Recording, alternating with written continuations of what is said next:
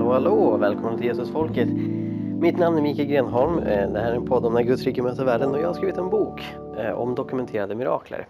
Den håller verkligen på att blomma ut just nu. Den går till tryck om mindre än tre veckor. Jag lanserade en Facebook-sida för den igår som lockade dit en stor ateistarmé som argumenterade emot boken som de inte hade läst. Eh, och eh, jag har varit ute och föreläst en hel del om dokumenterade mirakler även fast jag ännu inte har en, en bok att erbjuda annat än att folk kan gå in på Sjöbergs förlags hemsida och förbeställa den. Bland annat eh, så kommer jag ikväll eh, debattera mot Anders Hesselbom eh, i Örebro. Han är ordförande för Humanisterna här och vi kommer debattera huruvida det är rimligt att tro på mirakler. Det kommer bli jättespännande. Jag befinner mig just nu i lokalen där vi ska vara men det är ingen annan här så då har jag tid att prata med er. Eh, men sen så var jag också ganska nyligen i Kungsporten i Huskvarna, en stor församling där, EFK församling, som har eh, samlingar för unga vuxna varannan vecka. Och de ville att jag skulle tala om dokumenterade mirakler, vilket jag gjorde och eh, inspelningen från detta kommer ni nu få höra. Och oh, jag, vill, jag, vill, verkligen uppmuntra er att, att uh, lyssna på hela det, för jag fick väldigt många intressanta frågor från publiken uh, i slutet. Um, jag har försökt liksom boosta upp ljudet så att det ska höras så gott som möjligt och vissa har jag varit tvungen att, att liksom gå in själv nu i efterhand och eh, citera vad de sa för det är för svårt för er att höra om ni hade hört ljudfilen. Eh, men många av de här frågorna var så briljanta och jag verkligen funderat på dem länge efteråt och tänkte det här, det, det är liksom den här sortens diskussion eh, som jag vill väcka med boken. För jag menar ju att det går att dokumentera mirakler, det går att säga att mirakler är en del av verkligheten. Jag tror att det går att övertyga människor om att mirakler är verkliga. Eh, och det samtalet som vi hade i Huskvarna det var verkligen konstruktivt för att hjälpa den diskussionen framåt. Eh, så jag hoppas att eh, det här blir till eh, eh belåtenhet eh, för er och sen framöver om ett tag så kommer ni förstås också få höra eh, debatten mellan mig och Anders Hesselbom. Eh, så håll till godo, Gud välsigne er. Men nu så vill vi välkomna Mikael Grenholm fram. En applåd! Mikael, du har ju eh, rest en bit idag. Ja, jajamän. Eh, vart har du rest ifrån? Uppsala. Uppsala. Är ni med? Vi bara radar upp Uppsalabor här nu. Vi hade ju Johannes Widlund här för två veckor sedan. Eh, och det är ju din bästa vän. Ja, han var min bestman dessutom på bröllopet. Det är fantastiskt se vad vi kan rota fram från Uppsala nästa gång eller har vi bara plöjt fältet nu efter er två? Ja, han har ingen bästman än så att nu är det slut. Ja, nu är det slut, ja precis. så kan det vara. Vi är jättetaggade på att höra vad du har att säga eh, om det här med dokumenterade mirakler. Vi tror på Gud som, som gör mirakler idag. Mm. Eh, och fantastiskt kul att vi ska få lyssna på dig och få samtala lite kring det här med mirakler idag. Så vi släpper fram dig och eh, varsågod. Tack så mycket. Jag bara inte ramla, det var kul med scenen så här. Eh, jag tänkte vi kan börja med en bön. Tack Gud för att du är här. Tack Herre för att du är allsmäktig och du är allgod och för att du ser oss alla. Eh, du ser oss i vår svaghet, i vår sjukdom, i våra, i våran nöd. Och jag ber Herre Jesus att du kommer oss nära, att du undervisar oss ikväll. Att du uppenbarar för oss vad du gör idag Eh, och jag ber att du ska öka vår tro, öka vårt hopp och uppleva vår kärlek och brinna ännu mer för dig Herre. Så välsigna den här kvällen i Jesu Kristi namn. Amen. All right. Eh, jag är pastor i församlingen Mosaik i Uppsala tillsammans med min fru Sara. Eh, det är en husförsamling som är väldigt trevlig. Något mindre än Kungsporten. Eh, vi har aldrig varit så här många på någon av våra gudstjänster men det är bara bra för att eh, vi kör bara i vardagsrum. Eh, och eh, det, det, är fantastiskt roligt att, att vara pastor men det är egentligen inte det jag har ägnat majoriteten av min tid åt. Eh, så när man är pastor i en husförsamling och dessutom får dela det ansvaret med sin kära maka eh, så behöver man inte lägga så mycket tid på det. Eh, och jag funderade, vad ska jag lägga min arbetstid på? Eh, jag hade fått ett erbjudande att fortsätta ett jobb som jag haft tidigare. Men så kände jag att jag skulle vilja skriva en bok om dokumenterade mirakler. Varför då? Jo, dels för att jag själv har varit väldigt intresserad av ämnet. På min fritid så har jag i åtta år eh, samlat ihop i ett litet Word-dokument olika exempel på helanden som har bekräftats av läkare när läkare säger att det här går inte att förklara med nuvarande medicinsk kunskap. Jag tyckte det var spännande jag, och jag ville se att det finns något konkret bakom påståendet att det sker något övernaturligt. Eh, så dels det, men sen så är jag också en evangelist. Eh, vår församling Mosaik är en evangeliserande församling. Vi kallar oss för ut och inkyrka. Eh, så förutom att vi samlas i vardagsrum så samlas vi också ute på gatan och möter människor ute på gatan. Och dessutom så har jag också varit engagerad i något som heter Pannkakskyrkan. Någon som känner till Pannkakskyrkan? Många känner till Pannkakskyrkan. Pannkakskyrkan är mycket bra. Så jag överdriver inte om jag säger att de senaste tio åren eh, så har jag samtalat med tusentals människor ute på stan. Eh, och eh, väldigt många ateister, muslimer, new ageare. Och när jag möter ateister och säger att jag tror att Gud kan göra mirakler, då frågar de var finns bevisen? Och i och med att jag har liksom eh, då spenderat en hel tid på att undersöka olika fall, framförallt från utlandet, från Amerikat och Afrika och så vidare, eh, så jag liksom sa, ja men du, det här är jätteenkelt. Skaffa Craig Keeners bok på 1200 sidor. Den kostar bara 800 kronor på Adlibris. Och så går du fram till sidan 523 och där har du ett dokumenterat mirakel. Jag upplevde att det här var inte en framgångsrik strategi.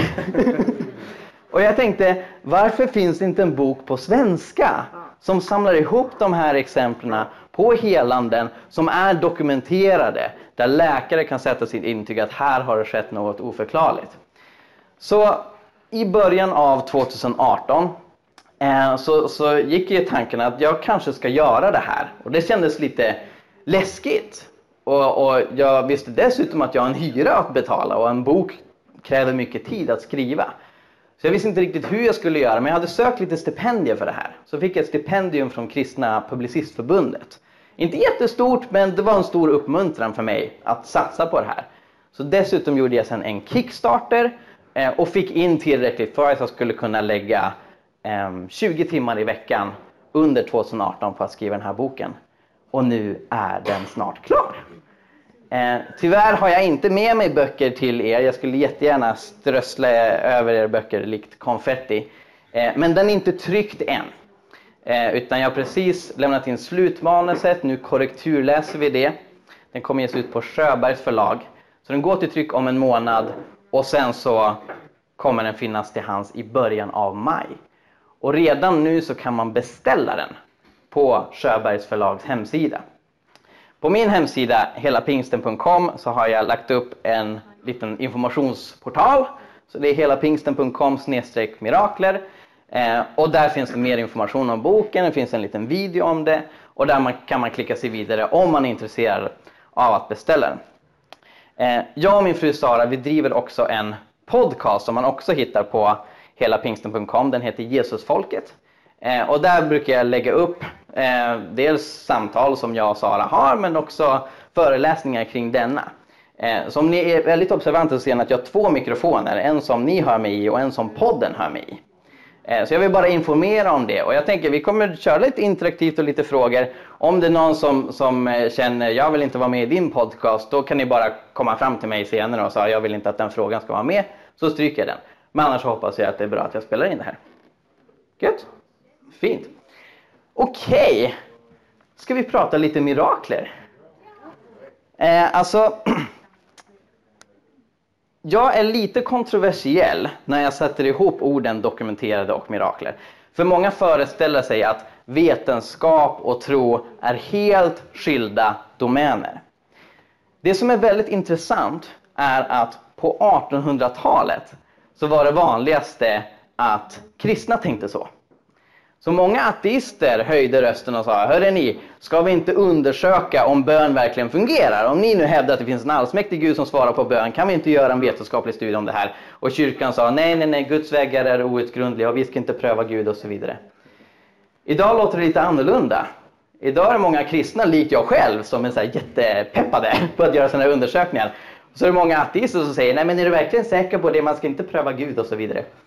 Eh, och det, det, det, är väldigt fascinerande att se. Eh, men jag skulle vilja börja med att prata om en av de mest inflytelserika bönestudierna eh, som eh, gjordes av, eller leddes av forskaren Herbert Benson.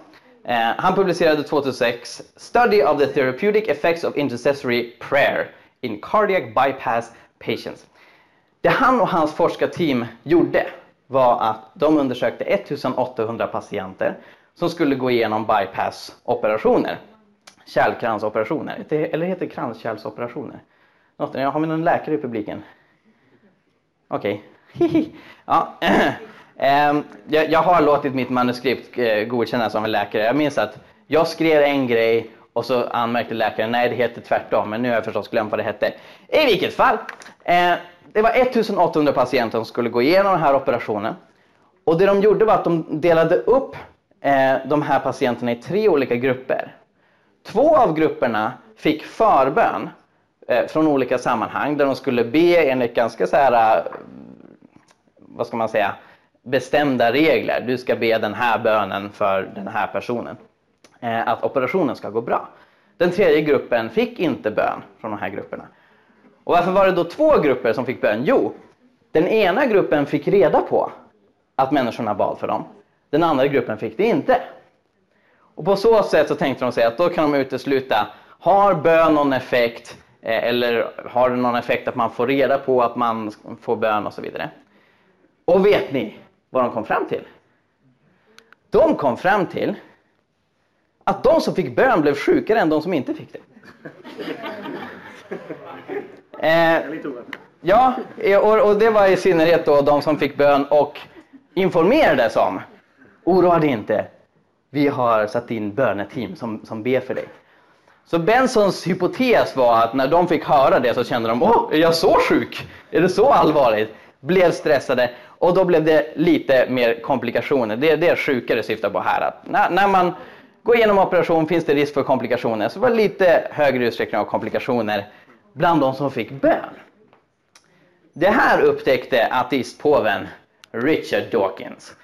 Så han skriver i Illusionen om Gud följande.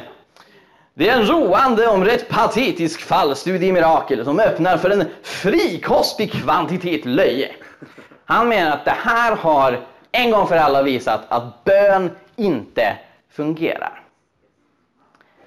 Men det är något som Dawkins inte nämner. De här grupperna som fick i uppdrag att be för patienterna inkluderade Silent Unity. Är det någon som vet vad Silent Unity är? Nej, det visste inte jag heller förrän jag började studera detta. Silent Unity kommer från New Thought-rörelsen i USA som har mixat kristendom med en hel del annat. Det är väldigt likt New Age. Med skillnaden att de har kyrkor och de har pastorer. Men när Silent Unity beskriver bön, och de satsar mycket på bön, de har en hotline 24-7 där man kan ringa och få bön från Silent Unity. Då så har en ledare uttryckt det så här. Your purpose in praying is to quicken into activity the creative processes that lie at the root of being and out of which the world takes shape. Så det Silent Unity tar avstånd från är uppfattningen att bön handlar om att du tilltalar en andlig varelse utanför dig själv. Bön enligt Silent Unity är att du väcker ditt inre ljus och kommer i harmoni med kosmos, mannen. Så tänker de det. De var inte de enda som deltog i bönestudien. De, eh, det var också med några katoliker som bad för de här patienterna.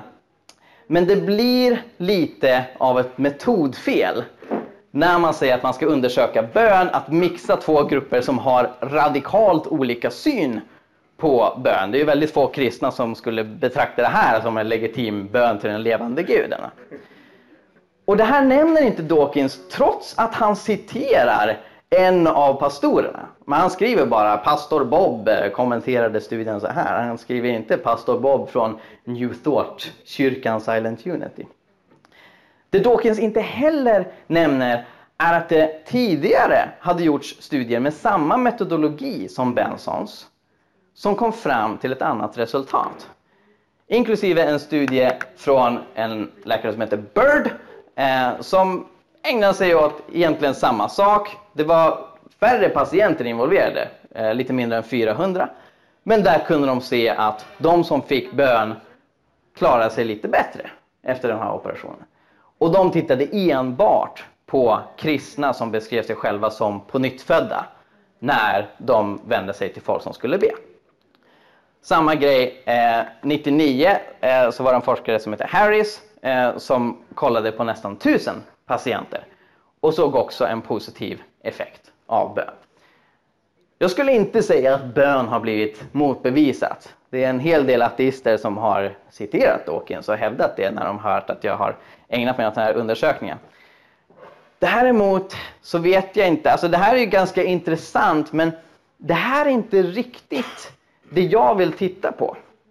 Jag skulle inte säga att det är mirakulöst att man kan se en liten skillnad mellan de som fått bön och inte och att det är positivt eller negativt. Därför att inte få komplikation efter en operation, det är bra och det är något att be för. Men är det ett mirakel? Jag tycker inte det. Men då är frågan hur man ska definiera mirakler. Är det någon här som, som har någon tanke? Vad är ett mirakel egentligen?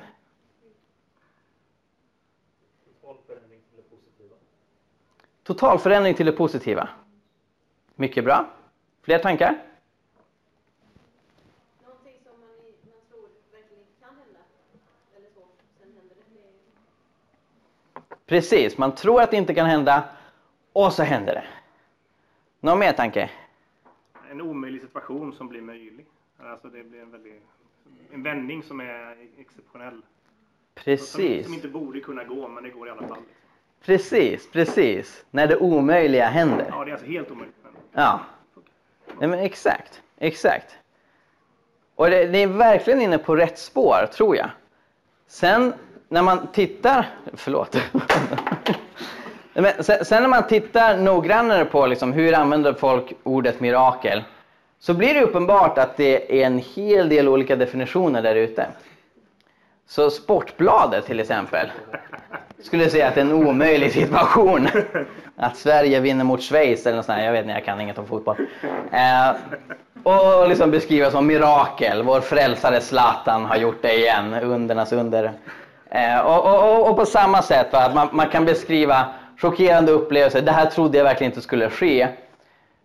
Och, och, det kan man ju tänka sig även sker med naturliga medel. Ett exempel som jag har i boken är näbbdjur. Näbbdjur är jättekonstiga. Eller hur?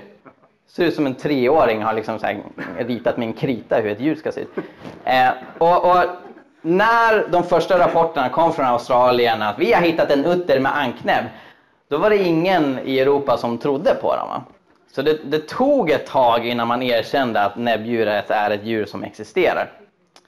Men inte nog med det. Australiensarna hävdade att näbbdjuret diade sina ungar och la ägg.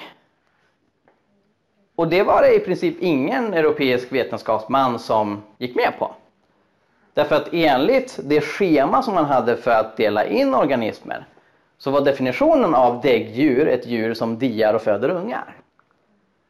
Så när australiensarna kommer och säger att eh, det finns ett däggdjur som lägger ägg, då trodde man att det hade mer med australiensiska alkoholvanor att göra än genuina observationer. Så det tog eh, många, många år innan västerländsk vetenskap erkände att näbbdjuren la ägg. Men näbbdjuren de fortsätter lägga ägg ändå, va? oavsett vad vetenskapsmännen sa. Alltså. Och det var ett naturligt fenomen, men man betraktade det som omöjligt. Jag skulle säga, och det är den, den definition jag använder i boken, att mirakel är rätt och slätt övernaturliga fenomen. Så det, det, går över naturens gilla gång. Det är händelser som inte enbart beror på naturliga processer.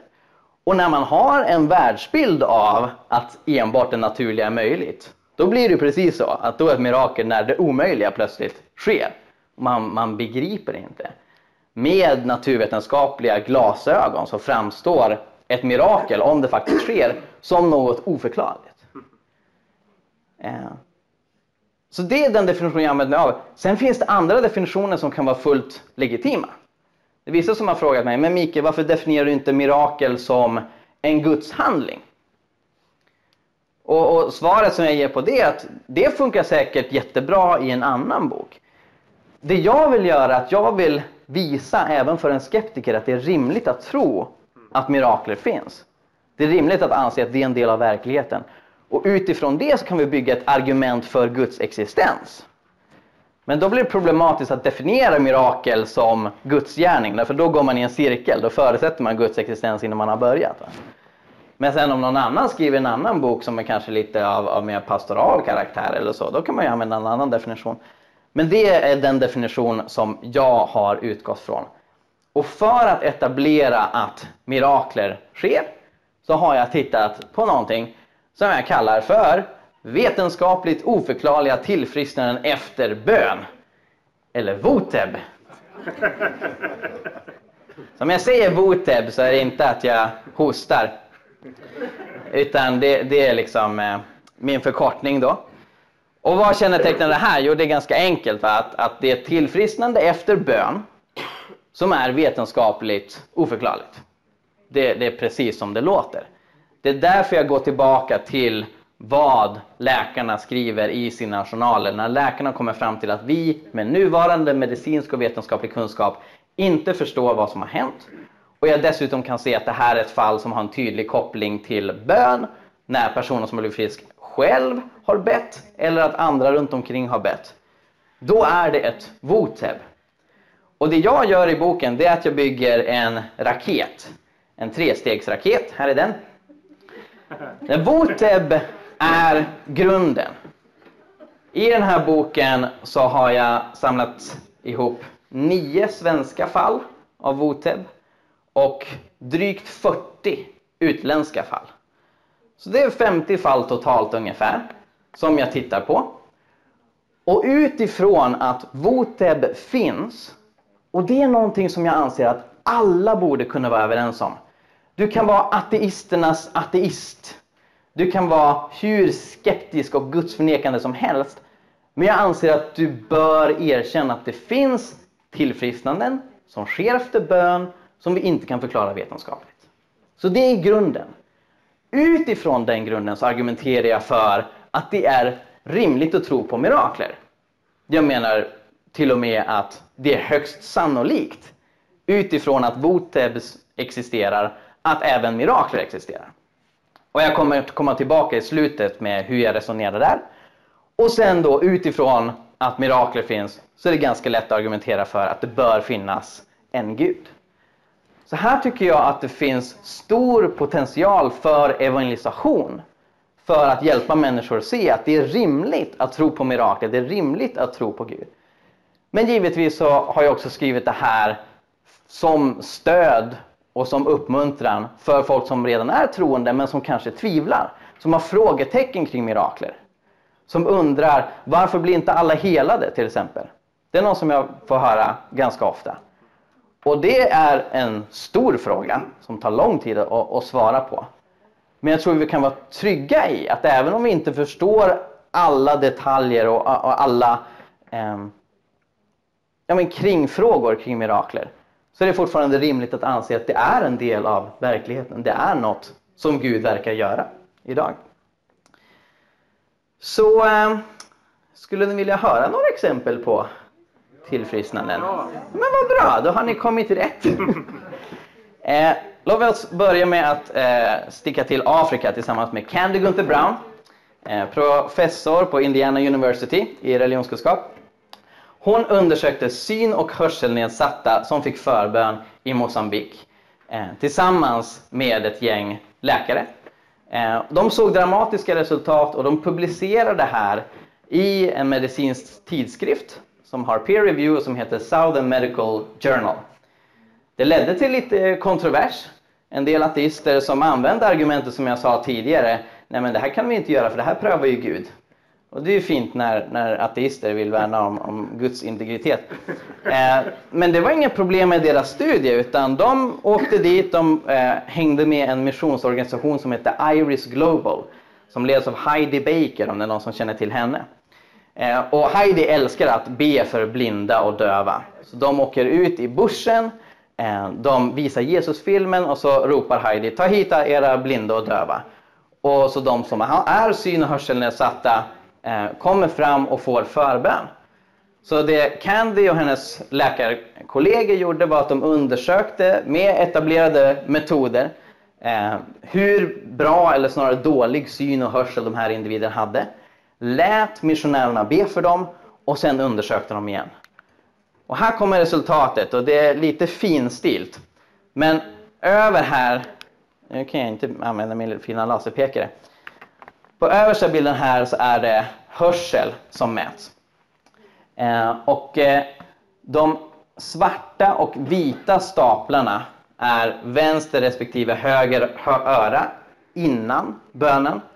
Och sen staplarna direkt till höger om dem visar hur det förbättras. Så ju högre stapel, desto större hörselnedsättning. Och sen när det minskar så innebär det att de hör mycket bättre. Och för vissa av de här fallen, till exempel den näst längst till höger, från den svarta stapeln där till den randiga, så ser man en väldigt dramatisk förbättring. Eh, I vissa fall så var det inte så jätterevolutionerande förbättring, eh, men ändå lite grann. Eh, och någon så, så skedde det inte så mycket skillnad alls, men de flesta så kunde man se ganska dramatiska förbättringar i deras hörsel. Här nere så har vi hur synen förbättras och det är samma sak där. Ju högre stapel desto större synnedsättning. En stackars person hade så dålig syn att det liksom hamnade utanför kartan. Ehm, hon kunde inte räkna fingrar på 30 cm avstånd. Så hon var i princip helt blind. Men kunde räkna fingrar efter det, kunde faktiskt se ganska bra eh, efter bön. Ehm, det var en individ som inte upplevde förbättring men de andra upplevde förbättring. Eller två, två upplevde ingenting. eh, men de flesta andra upplevde och några väldigt dramatiskt. Eh, och Candy diskuterar i sin bok Testing Prayer som är utgiven på Harvard University Press några av de här fallen i detalj, eh, inklusive Martin. Det är inte hon på bilden här, men det är Heidi till höger som eh, ber för människor. Eh, så det, det, är hon som är, är rätt porträtterad där. Martin var speciell därför att hon hade både syn och hörselnedsättning. Så hon var den enda som hamnade i båda grupperna. Innan bön så kunde hon inte höra 100 decibel över vanlig hörselnivå på något öra. Så då räknas man som döv. Och hon kunde inte läsa översta raden på syntavlan. Så hon hade extremt stor synnedsättning. Efter bön så kunde hon höra 40 decibel i vänstra öra, 30 decibel i höger och synen förbättrades till 2080. Det är det amerikanska eh, sättet man använder. Men mycket signifikant, innan var det 20, 2400. Eh, så det visar att hon upplevde ett dramatiskt tillfrisknande efter bön. Det var ingen medicinering involverad utan det var bara bön och sen så skedde det här. Och det kan det göra att hon jämför det här med kända effekter av suggestion och hypnos och så vidare och konstaterar att de här förbättringarna är dramatiskt mycket bättre än vad man har kunnat se i de fallen. Så det här är typiskt Voteb. Det är ett tillfrisknande som är oförklarligt. Det finns Ingen etablerad medicinsk förklaring till varför det här hände. Men det skedde och det skedde efter bön. Sen så har jag pratat en hel del med personer här i Sverige, inklusive Maria Johansson som bor i Flen. Hon kom ut med en bok 2016 som heter Mitt livs mirakler som jag verkligen rekommenderar. Eh, och hon hade en eh, obotlig hörselskada. Eh, så hennes hörsel blev värre och värre och de sa till henne att om du inte gör ett implantat så kommer du vara helt döv ganska snart. Och vid det laget eh, så, så, så, var det liksom så, så pass nedsatt att hon inte kunde höra Ehm, en, en, normal konversation, hon kunde inte prata i telefon, hon var tvungen att läsa på läpparna. Så det var väldigt allvarligt. Eh, boken kom inte 2016, den måste ha kommit typ 2017 eller 2018. För helandet skedde 2016, det var därför jag blev förvirrad en stund. Eh, men så en vacker dag så var det några missionärer som kom till hennes församling, Sionförsamlingen. Per och Abby Åkvist berättade om undertecken som Gud gör i Etiopien. Och de ville förstås passa på att be för människor även här i Sverige. Så Maria går fram, tar emot förbön, sätter sig och så kör lovsången igång. Och hon kan höra den helt klart. Så hon utbrister, jag kan höra lovsången! Och folk blir helt bara! Ah! Så. Hon beskriver så vackert i boken hur hon går hem och njuter av att höra gruset under sina fötter. Hon kunde inte sova på natten. Det var, det var fönster utanför, nej det var ett, ett träd utanför fönstret. Eh, och löven prasslade så mycket. Så, så hon blev verkligen helt frisk och hon gick tillbaka till sin audionom som hade hört om det här och bara vi måste undersöka det nu. Och gjorde ett audiogram som mappar hur hörseln ser ut.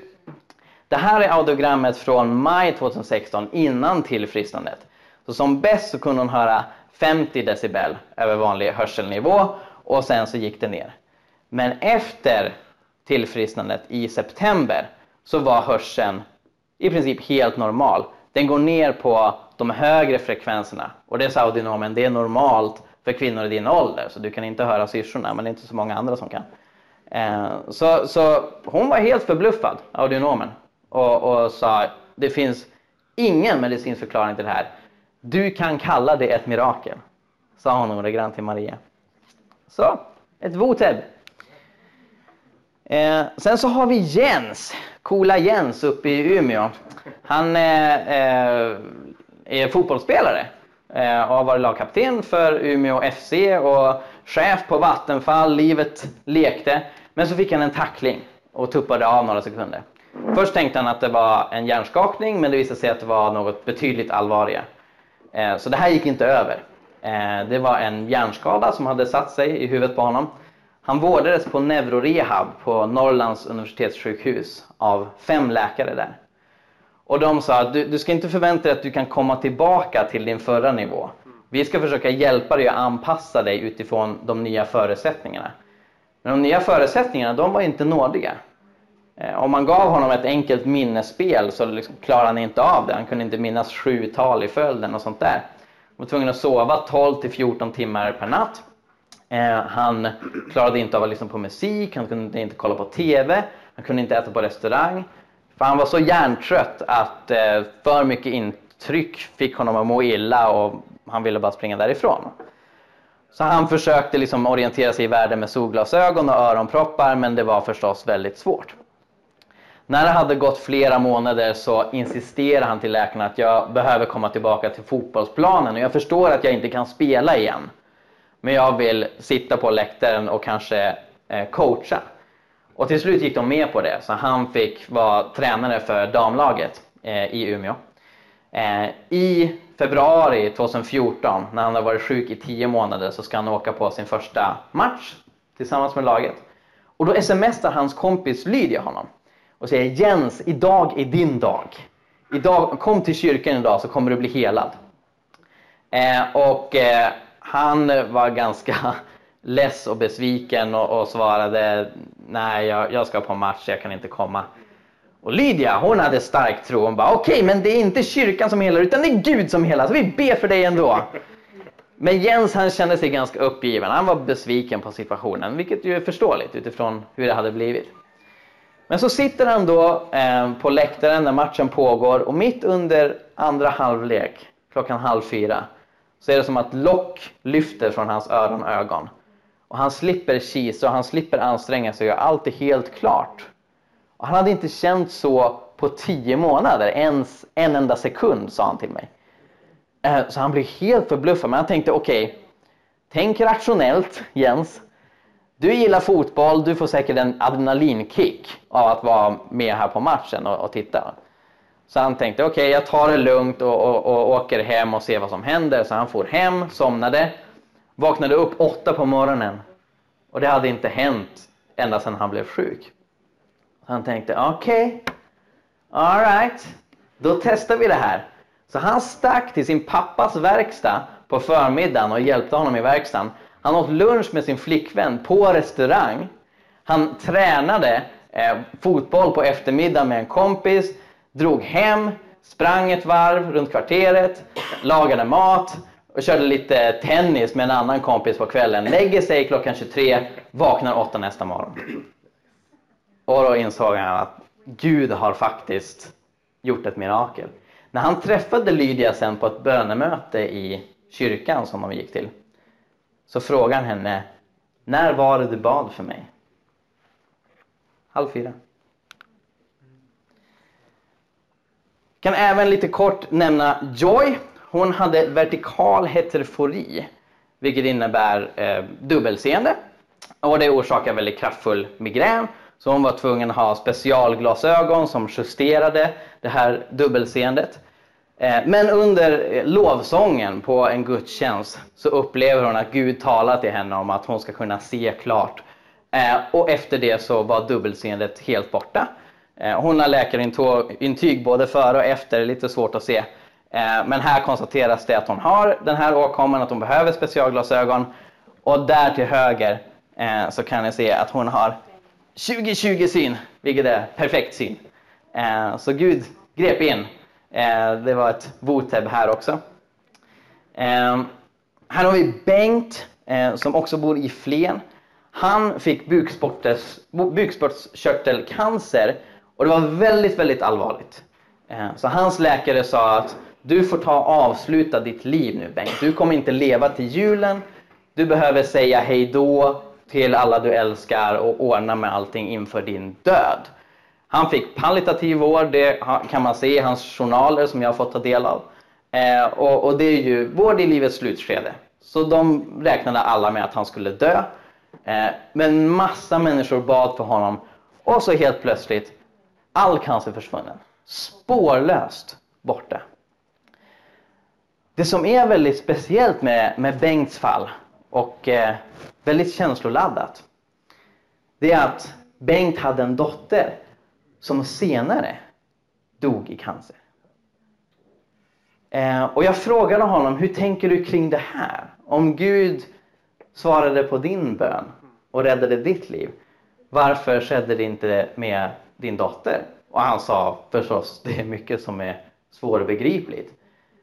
Men vi var inte rädda för himlen. Vi var inte rädda för döden på det sättet. Jag var mest orolig för hur kommer det bli nu om jag går bort och inte kan vårda min dotter.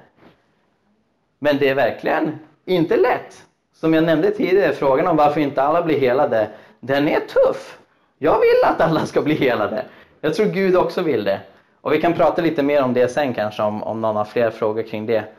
Men jag tror det viktiga är att hålla fast i att kombinera helande teologi med frälsningsteologi att Gud utlovar ett fullständigt helande i himlen och att vår främsta mission går ut på att föra människor till honom för att de ska få det helandet. Sen är helande här och nu fantastiskt och en försmak av himlen men det är inte det enda. Det finns något ännu bättre framöver. Kan även kort nämna eh, Benedikta eh, som eh, svalde en massa paracetamol när hon var bara tre år gammal. Så det var 19 gånger den dödliga dosen. Eh, togs direkt till sjukhuset när föräldrarna förstod vad som hade hänt. Hon hamnade i koma och paracetamol sätter ju sig på levern och förstör levern. Eh, så de sa att det, det, finns ingen chans, vi är så ledsna, hon kommer dö. Men eh, hennes familj som var katoliker, de bad ihärdigt för hennes liv. Och så helt plötsligt så vaknade hon upp eh, helt frisk. Levern var som transformerad som en helt ny lever. Eh, och det hade dykt upp massa vätska i, i kroppen som försökte ta hand om förgiftningen. All vätska var spårlöst försvunnen. Man, man visste inte vart det tagit vägen. Så hennes läkare, Ronald Kleinman, som en judisk läkare, han vittnade inför Vatikanen att jag kan ärligt säga att det är ett mirakel som har skett. Det finns ingen medicinsk förklaring till att det här inträffade. Eh, och sen så har vi också Sivert eh, som hade väldigt svår astma och andningssvårigheter. Han var tvungen att sova med mask för att inte kvävas under natten. Eh, och eh, tog sig under de förhållandena ändå till en bönekonferens långt uppe i Norrland för att han ville söka Gud, han är pastor. Eh, och där på konferensen så hade människor bett för honom och så upplever han helt plötsligt när han ska gå och sova att han kan andas normalt. Och han testar det i eh, olika verktyg som han har med sig för att han behöver regelbundet testa hur, hur väl han kan andas. Helt perfekt andning. Hans läkare, Eva Norman på Norrlands universitetssjukhus, skrev i journalen, han hade bett till Gud och fått hjälp av Jesus. Han har inga besvär längre. Och det här är lite ovanligt kan jag tillägga. De, de, de flesta läkare de nöjer sig med att säga att det har skett något oförklarligt, det, det har skett något som vi inte kommer på än. Men ibland är de här lite uppriktiga och det får man vara tacksam för som pastor. Och sen sist men inte minst så har vi Ben eh, som när han var sju år gammal eh, köpte cigaretter av en smugglare som han eh, ville dela med sin bror för han var en buspojke. Eh, och när han cyklar hem Eh, så straffade synden sig själv. Nej, så ska man inte säga. Men han blev påkörd av en bil. Eh, och eh, det var väldigt dramatiskt. Han överlevde tack och lov, men han kastades ut på vägen och bilen körde rätt på hans ben. Och det for ut 7 centimeter av ledbenet, tror jag det heter. For ut och hamnade bredvid honom på marken. Eh, så han hade ett, ett, stort hål sen när de kom till eh, sjukhuset. Eh, där det liksom inte fanns något skelett kvar. Och, och de satte igång och gipsade och så vidare men de sa det att om du har tur så får du behålla benet. Annars får vi amputera det. Men om du behåller det så kommer det vara halt i hela ditt liv. För det här är en riktigt allvarlig skada. Hans mor som var sur på honom efter att hon såg cigaretterna men förlät honom. Eh, hon såg en syn när de bad för honom att Gud kom och la in nytt skelett i hans ben. Och efter hon hade fått den synen och hon kände sig fylld av tro att nu har han blivit hela, så gick de tillbaka till läkarna eh, och de gjorde en ny röntgen. Och det, det, det som är mest dramatiskt med det här är att bilden ni ser till höger, det är inte så skelett brukar se ut när det har varit brutet och sen läks ihop. Utan det här är en bild av ett helt nytt skelett. Väldigt häftigt. Va? Eh, och, och, och det här finns också eh, bra med dokumentation på. Okej, okay. nu kommer frågan. Går det inte att bortförklara det här? Går det inte att säga att det beror på något naturligt ändå? Ja, det finns en hel del bortförklaringar som jag tycker är otillräckliga. Och en av dem är placebo. Placebo är en känd medicinsk effekt när någon får bluffvård, eller sockerpiller, man får godis istället för medicin eller liknande. Så man får egentligen inte vård, men man tror att man får vård. Och då är teorin att den trosövertygelsen gör att man faktiskt mår bättre. Då är det en hel del ateister som säger ja, nej, men de här exemplen som du har dragit Mikael, det handlar inte om bönesvar utan det är placeboeffekten. De här människorna tror att de kommer bli friska och därför så blir de friska. Det stämmer inte riktigt in på alla fall. Jens trodde inte att han skulle bli frisk när han satt där på fotbollsmatchen. Det skedde helt oväntat. Benedikta var tre år och låg i koma. Hon var inte så trosfylld just då. Men i vissa av de andra fallen så kanske man kan argumentera för att ah, de har förväntan och så. Problemet är att när man tillskriver blinda som ser, döva som hör, cancer som försvinner till placebo så är det närmast en tro på magi. Jag brukar säga att många artister har starkare tro på placebo än många kristna har på Gud. För den kända placeboeffekt som finns, som man har observerat vetenskapligt, den kan reducera smärta eller yrsel under en viss tid. Normalt några timmar, kanske uppemot ett dygn om du verkligen har en väldigt stark övertygelse. Och det har med hur, hur hjärnan fungerar, det har med hjärnans lyckocenter att göra. Va? Så man känner sig glad och tacksam, åh nu får jag vård och då så släpps det ut kemikalier som gör att smärtan reduceras. Och det är en naturlig process som existerar. Det gör inte att döva kan höra mina vänner. Så när en, en läkare kommer fram till att det här saknas medicinsk förklaring för, då har man ju redan uteslutit placebo för länge sedan. För placebo har en väldigt begränsad effekt. Både i vad den kan göra och hur länge det pågår. Sen så finns en annan term som många skeptiker drar omkring med i den här diskussionen. Och det är spontanremission. Spontanremission är återigen en observerad medicinsk effekt när kroppen läker sig själv. Eh, och man använder den termen framförallt när det gäller cancer. Eh, så om Christer Sturmark läser min bok, vilket han har sagt att han ska göra, så jag hoppas det. Eh, han är med i boken för övrigt, jag har intervjuat honom och så i, i gengäld så ska han skriva en recension om den. Som säkert blir snäll. Eh, nej, men när han läser min bok och läser till exempel om Bengt som blev frisk från cancer så skulle jag gissa att han säger det var en spontan remission. Jättekul att Bengt blev frisk men det berodde inte på Gud eller bön utan det berodde på att kroppen läkte sig själv. Problemet med att hänvisa till spontan remission det är att i majoriteten av alla fall en studie kom fram till 87% av alla fall när man använder sig av termen spontan remission så vet man inte vad det är som läker. Det vill säga spontan remission blir en synonym till oförklarligt tillfrisknande. Man vet inte vad som, vad som sker men utifrån en världsbild där mirakler är uteslutna så vad har man kvar att tillgå? Om det inte är vården eller medicineringen, jo det är kroppen själv. Då säger man det är självläkning, det är kroppen som gör det, det är spontan remission. I de allra flesta fall så kan man inte hitta någon mekanik, någon faktisk process som gör att cancer försvinner. Utan det är ett mysterium. Så på det sättet så blir det lite fel att säga förklaringen är spontan remission. Det finns viss spontanremission som man kan koppla till exempel till allergier eller ovanlig immunitet och så vidare. Men i de allra flesta fall så vet man inte vad, vad det handlar om. Och då så hamnar det i kategorin oförklarligt, precis som jag argumenterar för. En tredje invändning som jag har hört det är att läkarna har gjort fel när vi stöter på ett voteb.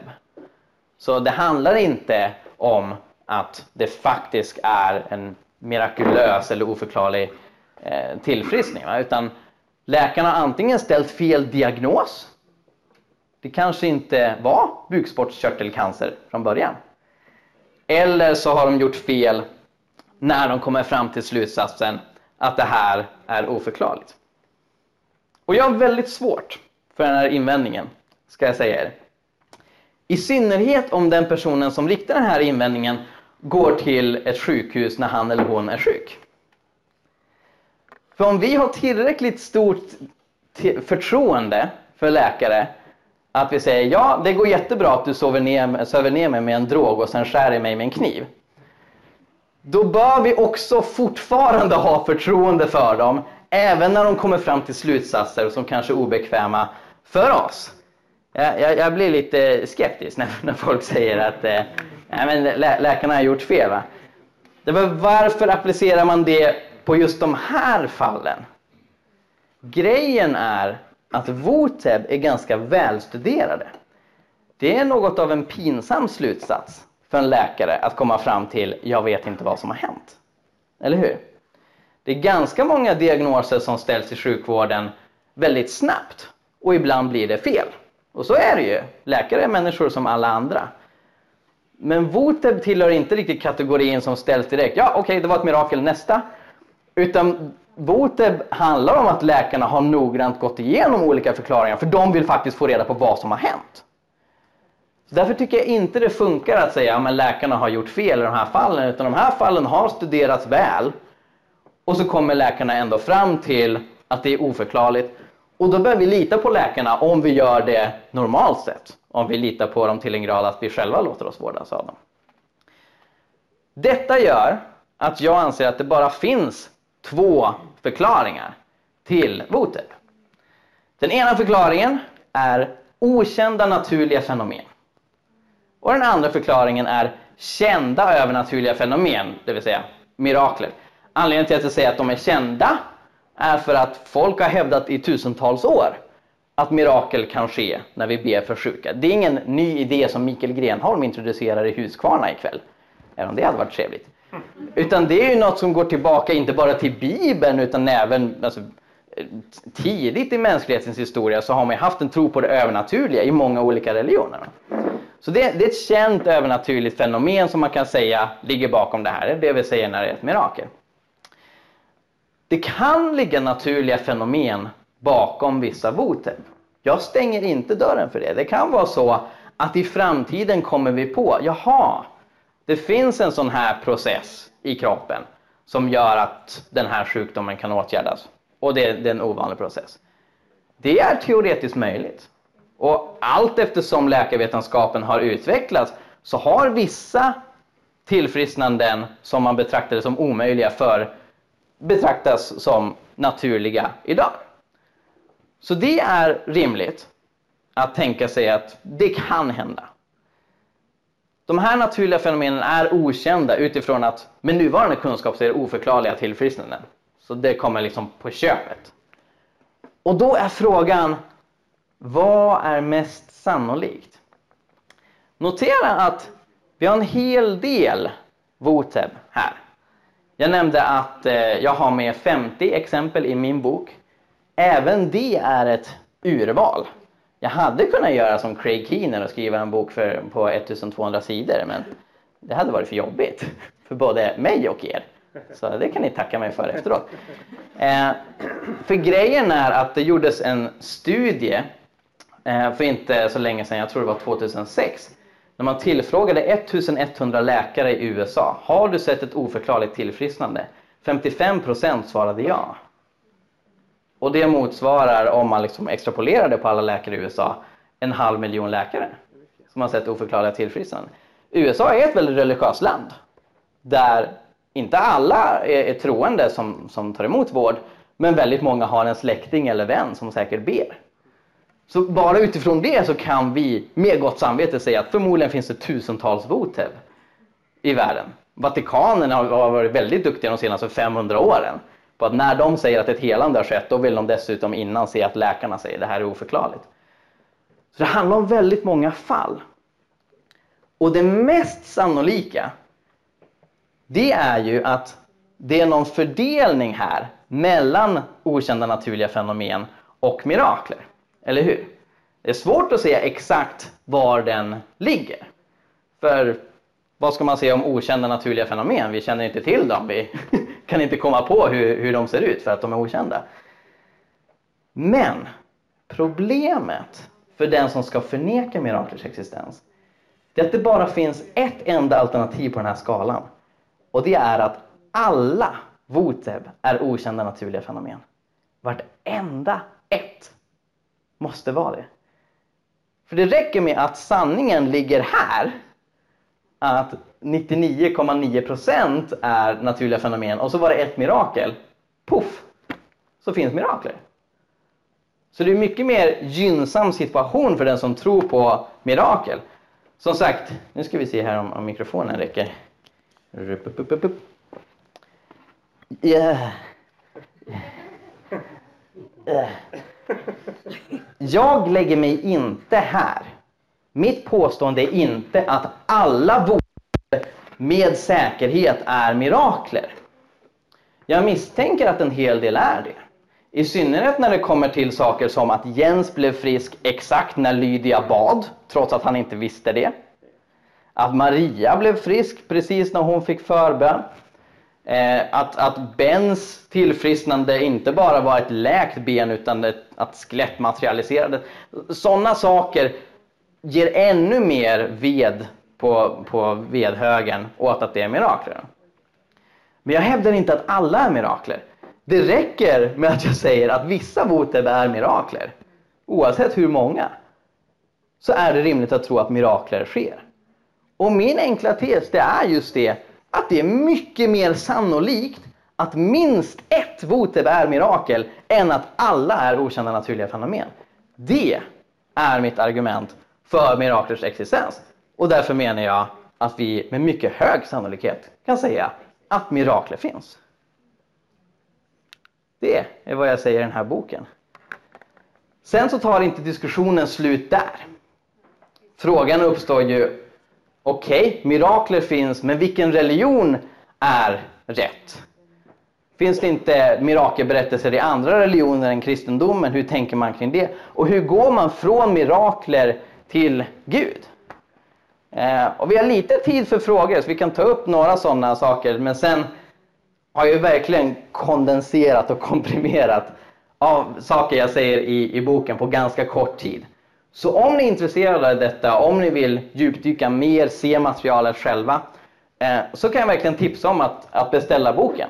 Ehm, den kommer i maj, men om man beställer den redan nu på Sjöbergs förlags hemsida eh, så får man den för, för eh, 50 kronors rabatt, så det är bra. Ehm, så om ni är intresserade, skaffa boken. Men om ni har frågor redan nu så är, är golvet öppet. Är det någon som funderar på någonting eller har en kommentar? Okej, så första frågan här handlade om kan du utveckla lite mer om varför alla inte blir helade? Frågan om varför alla inte blir helade hänger intimt samman med lidandets problem eller ondskans problem.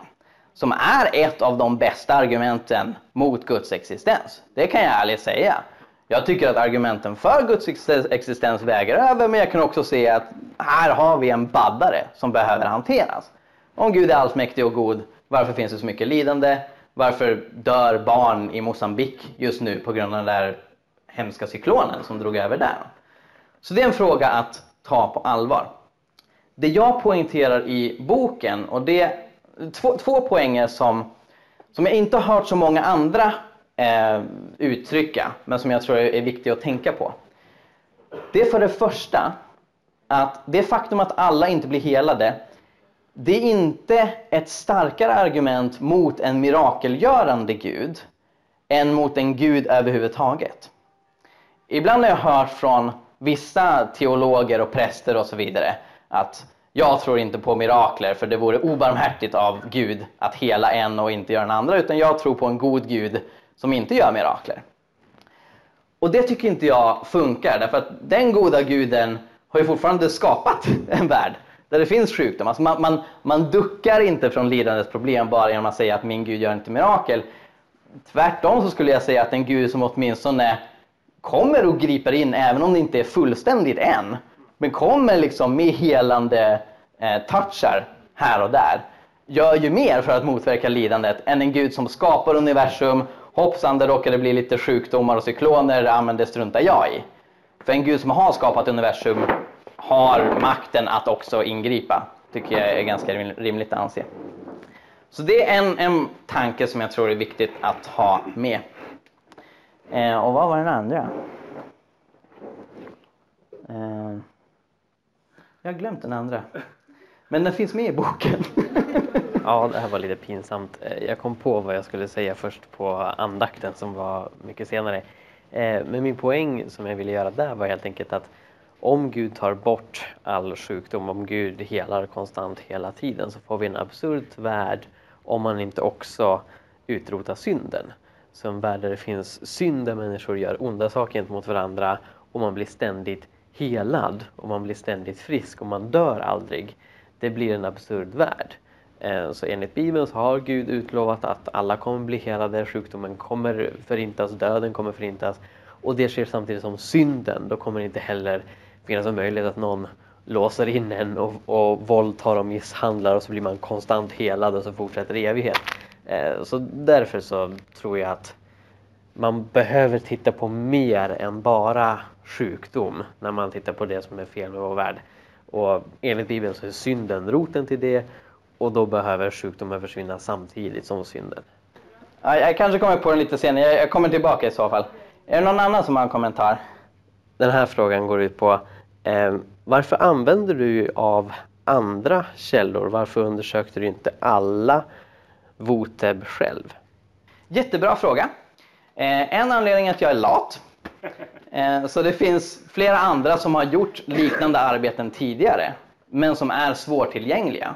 Antingen för att de är, är jättetjocka och dyra eller för att de är, är gamla jag har använt mig av eh, Richard Castors bok The Miracles eh, som på ett noggrant sätt dokumenterar 11 helanden.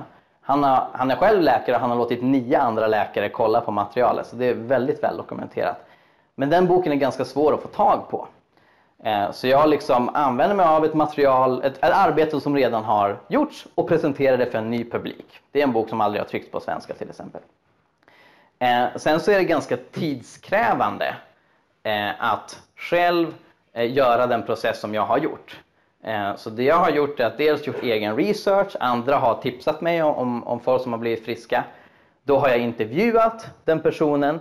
Ibland så intervjuar jag någon annan relevant person som varit eh, när, ja, i samma sammanhang som till exempel Lydia när det gällde Jens tillfrisknande. Och sen så har jag bett om att titta på journalerna, går igenom journalerna. Journaler är komplicerat skrivna, så det, det tar lite tid. Eh, och sen så låter jag läkare titta på det materialet och jag skickar även tillbaka till den som har blivit frisk och kollar, har jag uppfattat det här rätt och så vidare. Allt det är en ganska mödosam process.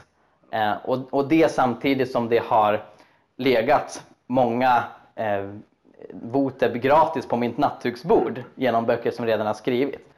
Eh, så har jag använt mig av både och. Och båda är ju lika relevanta. Därför att den metod som jag använder, det är det andra som har använt före mig. Så det, det är själva anledningen. Hur blir det med typ källkritik och så? Kan man titta på ett mirakel i USA och se att dokumenteringen över det eh, är svårare att ta på allvar än till exempel dokumentering i Tyskland eller i Sverige för att sjukjournaler och sånt är utformat annorlunda? Eh, eller är det något liksom man får ta in i tanken när man tittar på mirakler? Är det något att med i processen? Ehm, källkritik har varit en del av processen. Ehm, så som, som jag nämnde, jag har använt mig av, en metod och då vill jag att när jag använder mig av sekundärkällor så ska de ha använt sig av samma eller liknande metod. Ehm, så jag kopplar det väldigt tydligt till olika auktoriteter som Candy Gunther Brown och Craig Keener och eh, Vatikanens rigorösa process eh, och liksom kan hänga upp det där. Sen så har det inte sett identiskt ut mellan länderna. Eh, så i USA till exempel är det mycket vanligare med läkarutlåtanden och brev än en faktisk journalföring som sen patienterna kan få ta del av.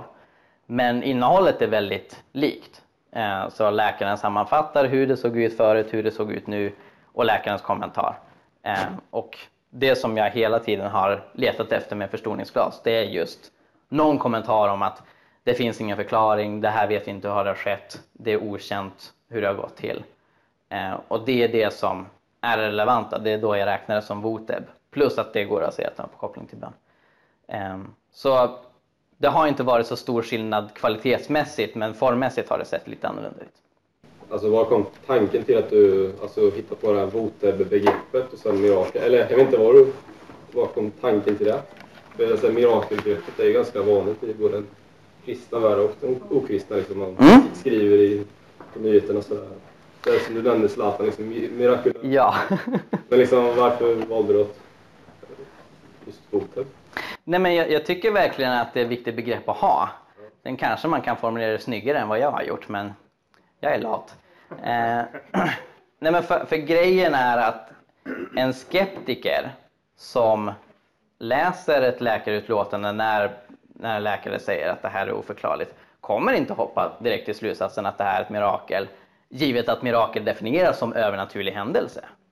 Utan skeptikern kommer antingen att bara nöja sig med att det här är oförklarligt om den har en mer agnostisk position eller om den har en mer ateistisk naturalistisk position så kommer den hävda det måste finnas en naturlig förklaring.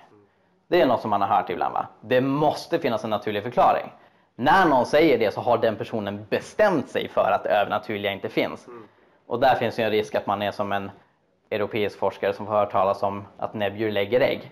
Nej, de måste föda ungar. De har liksom, då vill man anpassa verkligheten efter sin egen teori. Ehm, Så det har behövts ett, ett mellanbegrepp som alla kan vara överens om. Och det, och det är det jag argumenterar för. Att även om du är ateist, du läser min bok och du kommer fram till Mikael Grenholm har helt fel, det här är inga mirakler och det här har inget med Gud att göra. Fine, men du bör hålla med mig om att människor blir oförklarligt friska efter bön. Sen är det helt upp till dig om du inte tycker att det beror på bönen.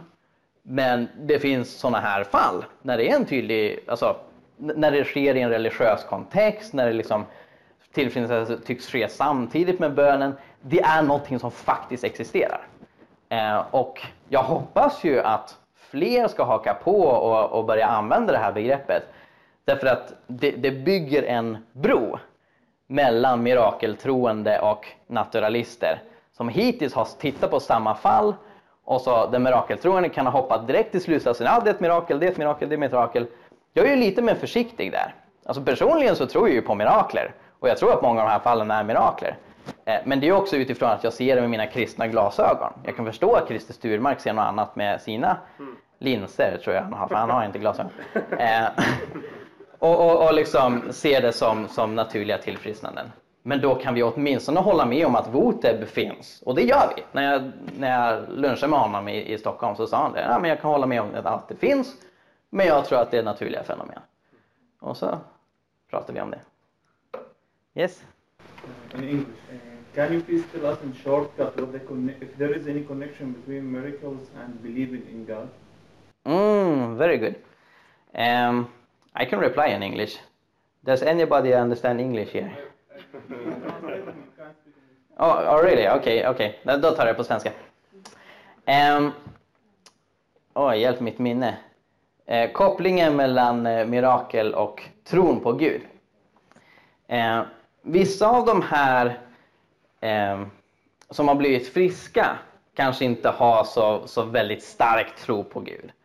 Återigen exemplet med, med treåriga Benedikta, det kan man ju ha lite olika teologiska teorier om, om barns tro på Gud. Men just i det tillfället låg hon till koma, så jag, jag tror inte att hon trodde så jättemycket just då. Eh, men däremot hade hennes föräldrar en stark tro på Gud. Ehm, så i flera av fallen som jag har tittat på så, så kan man se att det, det finns en, en tro där. Men sen är det lite annorlunda om den är känslomässigt stark eller om det är en mer vilande tro. Det är flera som jag har sett som har fått förbön många, många gånger och så blir de överraskade. Oj, kom helandet nu? Det var inget de förväntade sig just då. Det var inte de, de kändes inte som Stålmannen just den kvällen. Så, så ibland kan det komma överraskande. Och det tror jag är helt i linje med- med Bibeln också. Eh, Jag brukar säga det att både den mänskliga kroppen och den andliga verkligheten är väldigt komplexa. Det är många saker som spelar in när det gäller vad som leder till ett helande. Det går inte att reducera till en eller två grejer. Eh, Men tro är något bra och kyrkan finns till för att vi ska öka vår tro. va. Så det, det är naturligtvis gott. Jag skulle inte säga att det alltid är ett krav att man ska känna stark tro utan ibland kan Gud överraska och det är ju tur det. Eh, angående de här patienterna från Sverige, är det så att du har återkopplat direkt till deras eh, privata läkare eller har du en generell läkare som du bollar med? Jättebra fråga. Så har jag återkopplat med personernas egna läkare eller ha- har det varit oberoende läkare som har, som har kollat på det? Och det, det är det senare. Jag har försökt nå vissa av läkarna, för jag ser ju vad de heter utifrån att jag fått tillgång till journalen. Eh, men inte en enda har, har velat kommentera det här. Eh, och det tror jag har att göra med att vi har stark sekretess i Sverige. Det innebär inte att det är olagligt för mig att skriva den här boken eller att det är olagligt för dem att kommentera det. Men de har en stark tradition av att man inte ska prata med patienten med andra. Eh, och kanske har de tyckt att det är lite suspekt eller vad, vad vet jag. Va? Eh, men jag till exempel har hört mig av till läkare som har liksom använt starka ord om att oj det här verkar vara mirakulöst. Men sen har de inte återkopplat eller in, eh, svarat tackat nej. Eh, så det har gjort att jag har eh, bett flera olika läkare ge second opinion så att säga. Så jag vill dels att de ska bekräfta, eh, är det verkligen så att det saknas naturlig förklaring eller kan du säga något naturligt som finns här? Och sen så vill jag också att jag ska få den medicinska jargongen rätt, för det är inte det lättaste för en stackars humanist som jag. Akademisk humanist, jag, jag, jag tillhör inte humanisterna. Ehm, Så, ja. så det, det har varit väldigt hjälpsamt. Eh, Så. Yes. Är läkarna, har de, de som tittar på det här, har de en kristen tro eller är de, har de haft kristna glasögon på sig när de har tittat på journalen? Ehm, eh, Två av dem är eh, tydligt kristna. Ehm, Den tredje är min bror som, som har gått i kyrkan i, ibland men som har varit ganska öppen med mig att ja, nej, men jag drar nog inte samma slutsatser som du. Och, så. Eh, och jag skulle säga att de andra två som är, är mer tydligt kristna, de har inte haft på sig sina kristna glasögon. Eh, och de har, de har rensat bort eh, några fall. De har sagt ja, det, fantastiskt att den personen blev frisk men det är ganska lätt att förklara utifrån na- naturliga fenomen. Eh, så, så de har ju varit professionella när de har tittat på materialet. Eh, förstås. Eh, för det är ju också lite av ett problem i, i sådana här typer av diskussioner och som jag misstänker att jag kommer möta när jag kommer ut med den här boken. Eh, att ibland tänker sig folk att om man är kristen så kan man inte vara objektiv och saklig. Eh, och jag är ju öppen med att jag är pastor, jag når liksom en, en kristen slutsats. Men jag menar att mitt resonemang går att följa oberoende av världsbild. Och om det finns ett problem med partiskhet så är det snarare från det naturalistiska hållet, att man inte vill se verkligheten som den är. Eh, och det är förstås ett påstående som går att kritisera och invända mot, men, men eh, eh, jag tycker de har gjort ett väldigt bra jobb att eh, titta på det utifrån sina, sin läkarkompetens. Hur har du byggt upp boken? Alltså, är den, går du igenom fall för fall och säger för och emot med dem eller så hur har du jobbat där i boken? Att förklara? Ehm, väldigt bra fråga. Ehm, boken har fyra delar. Den första är introduktion, där jag bemöter lite generella invändningar såsom att mirakler och vetenskap hör inte ihop och Gud kan inte bevisas och sådär. Ehm, del två tittar på Voteb. Ehm, där finns alla fall eh, listade. Ett kapitel de internationella, ett kapitel de svenska fallen. Del tre har en lite mer filosofisk diskussion där jag går in ännu djupare på vad som skulle kunna vara eh, naturliga förklaringar och om mirakler ens är möjliga och sådär. Och sen är fjärde delen orientering i en mirakulös värld. Där jag diskuterar, okej, så om vi konstaterar att mirakler finns, vad får det för konsekvenser för vår tro på Gud? Vilken religion har rätt? Hur kan jag själv uppleva mirakler? Så alla Votebe är samlade på ett ställe. Eh, och det jag gör där, det är att jag eh, delger Ehm, berättelserna från de som har blivit friska kombinerat med vad läkarna säger, vad journalerna säger och så vidare. Ehm, och där är det inte så mycket för eller emot, där presenterar jag datan. Sen direkt efter det så kommer jag till den här rubriken som jag körde kort igenom här med otillräckliga bortförklaringar. Så ganska direkt så avhandlar jag invändningar som jag inte tycker är så eh, starka. Men sen så ägnar jag flera kapitel åt lite tyngre invändningar.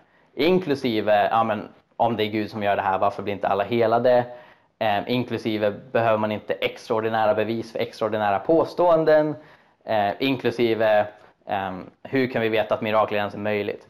Eh, och, och det går jag igenom i ganska djup detalj. Va? För att, återigen, min poäng med boken är att även om jag tror att det är väldigt många troende som kommer plocka upp den så ska den också vara tillgänglig för någon som är skeptiker och jag vill bemöta dem på deras planhalva. Så det är så jag har tänkt. How much is the book? eh, 200 kronor om man beställer den nu. Sen eh, går den upp till 250 eh, i maj. Okej. Men jag, tar, jag tror vi tar och avrundar här. Sen ska vi gå över i någon andakt men eh, det, det vet Erik detaljerna i. Tack så jättemycket. Vilket applåd. Har du-